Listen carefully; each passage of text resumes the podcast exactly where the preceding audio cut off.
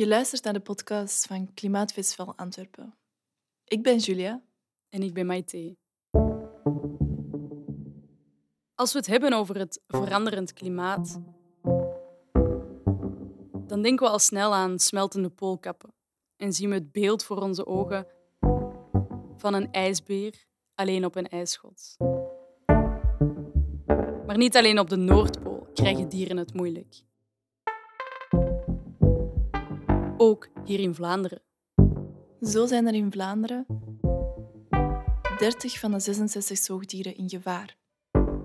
En één op de vier bomen ziek. Hoe staat België ervoor? En hoe dringen we dit verlies van biodiversiteit terug?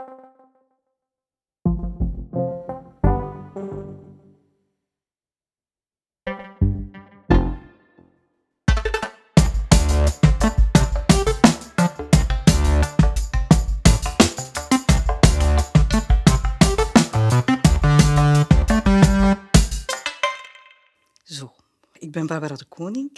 Ik ben een grote liefhebber van ornithologie. In 2018 heb ik mijn eerste boekje geschreven, De staartpen van de vuurvogel, over vogels, rituelen en rouw, uitgegeven bij Academia Press. En op dit moment werk ik aan een bundel opstellen over biodiversiteit, vogelzalf, over de nabijheid van vogels. Voor Oikos heb ik op vraag van Mirjam Dumortier het essay geschreven uit naam van de natuur, dat ik vandaag ga voorlezen. Uit naam van de natuur.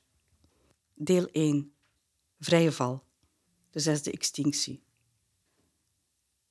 Aan het einde van de naam van de roos, na de uitslaande brand in de abdij die de beroemde bibliotheek in de as heeft gelegd, zegt de Franciscanermonnik Willem van Baskerville aan zijn secretaris, de jonge novice Adsen van Melk, dat de roos van voorheen bestaat als naam.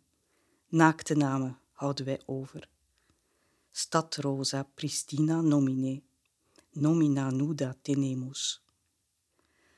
Natuurlijk is de naam van de roos op de eerste plaats een formidabele roman en een taalfilosofisch meesterwerk dat uitpuilt van citaten en filosofische verwijzingen naar de diepste krochten van de middeleeuwse scholastiek. En toch kan men het orgelpunt van deze roman ook als een vermaning aan ons, 21e-eeuwse lezers, lezen. Stad rosa pristina nomine, nomina nuda tenemus. De roos van voorheen bestaat als naam. Naakte namen houden wij over. Zoals zoveel anderen ben ook ik bang en boos en verdrietig en geschokt in het aanschijn van de voortdurende en razendsnelle afkalving van onze natuur. De instorting van aantallen en soorten vogels en vissen en planten en zoogdieren en reptielen en amfibieën en bijen en vlinders en andere insecten. Het is het gevolg van habitatverlies, van versnippering en verharding van het landschap, van verstoring, van vervuiling, van vermesting, van slechte waterkwaliteit en van pesticidengebruik. Tel daarbij nog de klimaatcrisis, de nauwelijks beheersbare opwarming van de aarde, en je komt uit in een negatief van Alice in Wonderland. Het ziet er minstens naar uit dat we ons in vrije val bevinden. De natuur sterft uit. De cijfers over de biodiversiteit in Vlaanderen uit het Natuurrapport Vlaanderen 2019 liegen er niet om. Van onze 66 zoogdieren zijn 30 soorten in gevaar, regionaal uitgestorven, ernstig bedreigd of kwetsbaar. Van onze 161 broedvogels staan maar liefst 67 soorten onder druk. Van onze 22 amfibieën en reptielen 10. Van de 71 dagvlinders 56. 9 van 19 houtbewonende bladsprietkevers, sprookjesachtige vliegende herten, neushoornkevers en gouden torren zijn bedreigd.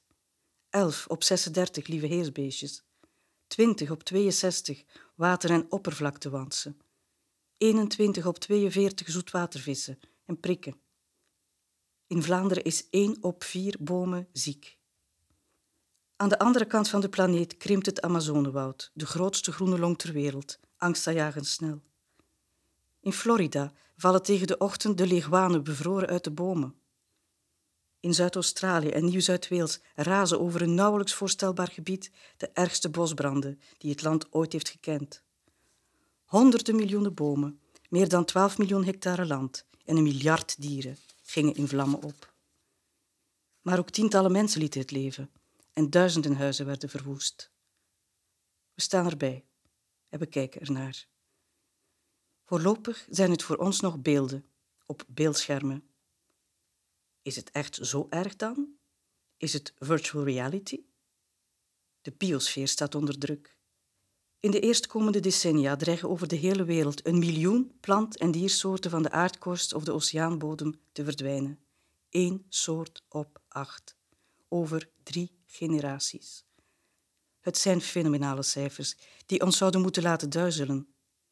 Het is het verlies van even zoveel complexe levensvormen met een bewustzijn, die miljoenen jaren nodig hadden om te evolueren tot wat ze vandaag zijn.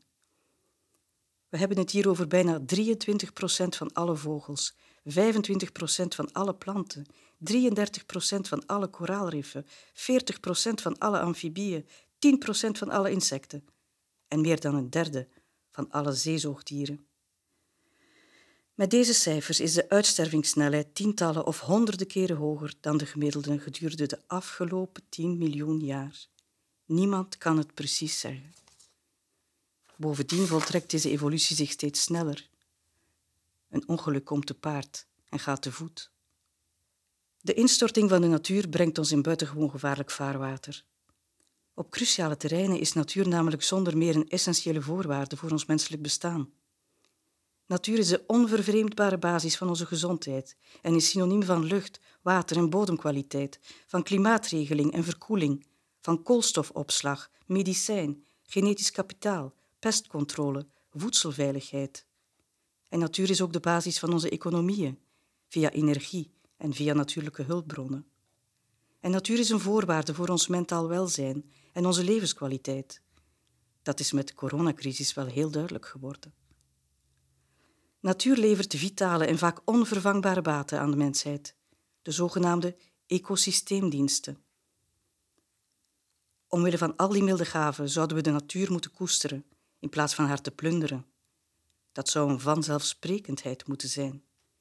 Maar nee, we zitten op ramkoers met de planeet. Velen broeden op oplossingen.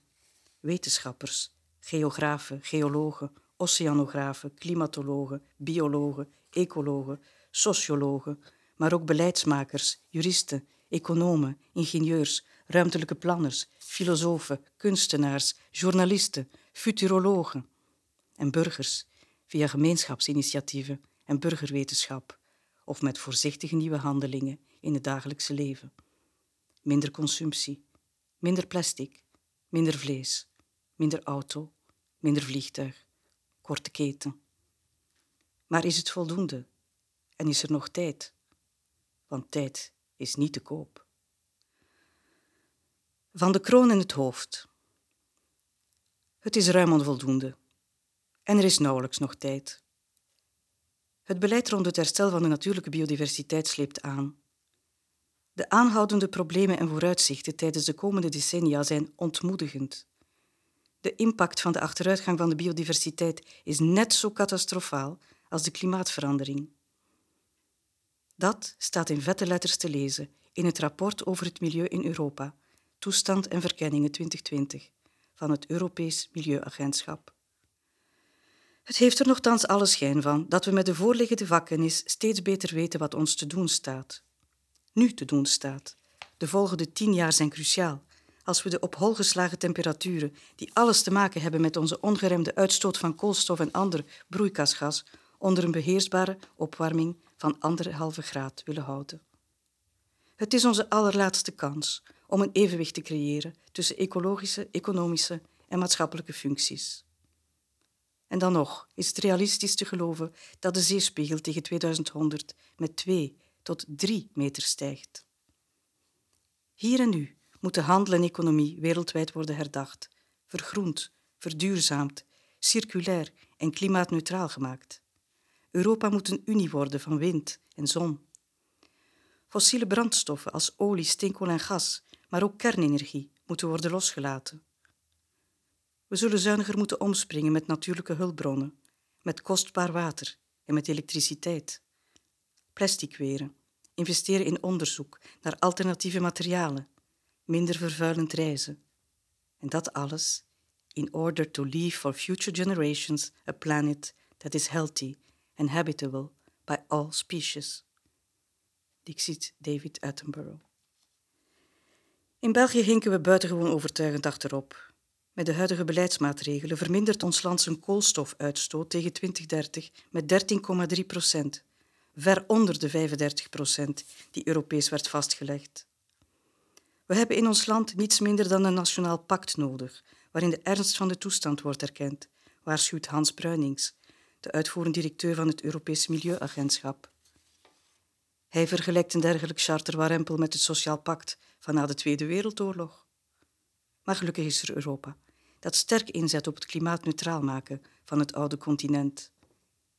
Er is de Green Deal, er is visie, ambitie, er is daadkracht, vrouwenjustitia, een verplichting afdwingend wetgevend apparaat, ook voor laffe lidstaten die alleen maar schulden maken. De klimaatopwarming is wel degelijk de achtergrond waartegen de zesde extinctie zich afspeelt. Nochtans is het bij lange niet de enige bepalende factor.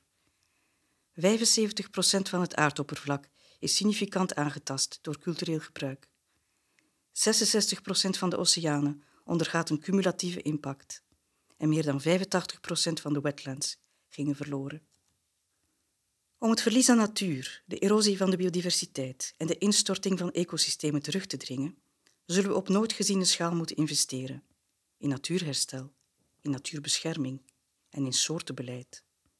Wereldwijd de ecosystemen van zeeën, oceanen en terrestrische landschappen herstellen, bossen aanplanten, het vasteland verwateren, grotere en beter verbonden leefgebieden creëren voor planten en dieren. Letterlijk ruimte maken voor natuur, robuuste natuur. In Vlaanderen is 15 jaar na het verstrijken van de einddatum in het Natuurdecreet slechts 74% van het Vlaams ecologisch netwerk afgebakend. Van de natuurverbindingen, zogenaamde ecoducten, is in diezelfde tijdspanne nog zo goed als geen werk gemaakt. En 21 jaar na het uitzetten van de doelen in de planologische bestemmingsplannen voor bos, natuur en reservaatgebied, is in 2019 slechts 40% van het vooropgestelde bos, natuur en reservaatgebied gerealiseerd. 21 jaar na datum. De vooropgestelde ambities zijn daarboven slechts de absolute ondergrens voor de garantie op instandhouding van de actueel aanwezige waardevolle natuur. We zijn goed bezig ons zelf de kroon van het hoofd te nemen. De zandloper. Met de zesde uitstervingsgolf voelt het alsof we, zonder het goed te beseffen, een zandloper hebben omgedraaid. Een voor ongeveer de helft met fijn zand gevulde tijdmeter, die bestaat uit twee holle glazen kegels die door een nauwe opening met elkaar in verbinding staan. Het is alsof zich vlak voor onze neus in de natuur een leegloop plaatsvindt die ons zenuwachtig maakt, ons ontmoedigt en benauwt, ons hypnotiseert of juist frenetieke actie ontketent. Het heeft er alle schijn van dat we slecht voorbereid zijn. We slaan wild om ons heen. Sommigen vinden dat het allemaal nogal meevalt, dat ook de mens natuur is en zijn handelingen daardoor de facto ethisch neutraal. En anderen stellen hun hoop in nieuwe technologieën om de eerder vermelde ecosysteemdiensten over te nemen van de natuur. En weer anderen wijzen goed gemutst in de richting van nieuwe natuur. In de stad komt immers iets nieuws in de plaats. Rare motjes in de metro van Londen, de grappige McFlurry-egel, de kleine stadsmerel, Turdus urbanicus. Maar vergeten we niet dat het juist bijzonder is aan de mens dat hij over een moraal beschikt en dat het een illusie is te hopen op alle zaligmakende oplossingen van technologie alleen. En vergeten we vooral niet dat de gevolgen van die nieuwe, rare, uitgedunde, veranderende natuur niet gekend zijn. We hebben maar één aarde, één keer. We kunnen met andere woorden beter voorzichtig zijn. Voorzichtigheid is de moeder van de wijsheid.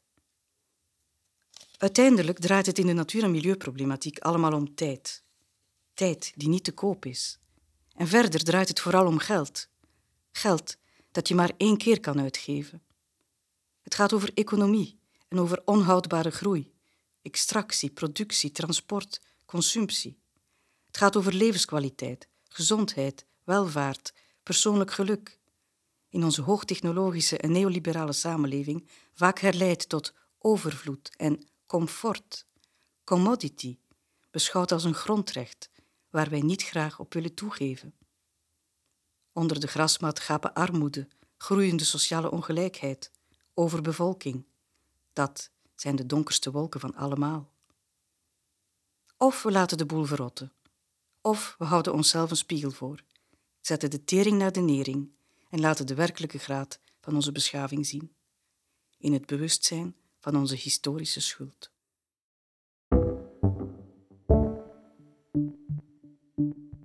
Je luisterde naar de podcast van Klimaatfestival Antwerpen, een project van Troebel. Bedankt om te luisteren. Wil je graag op de hoogte blijven van onze andere activiteiten? Volg ons dan op sociale media.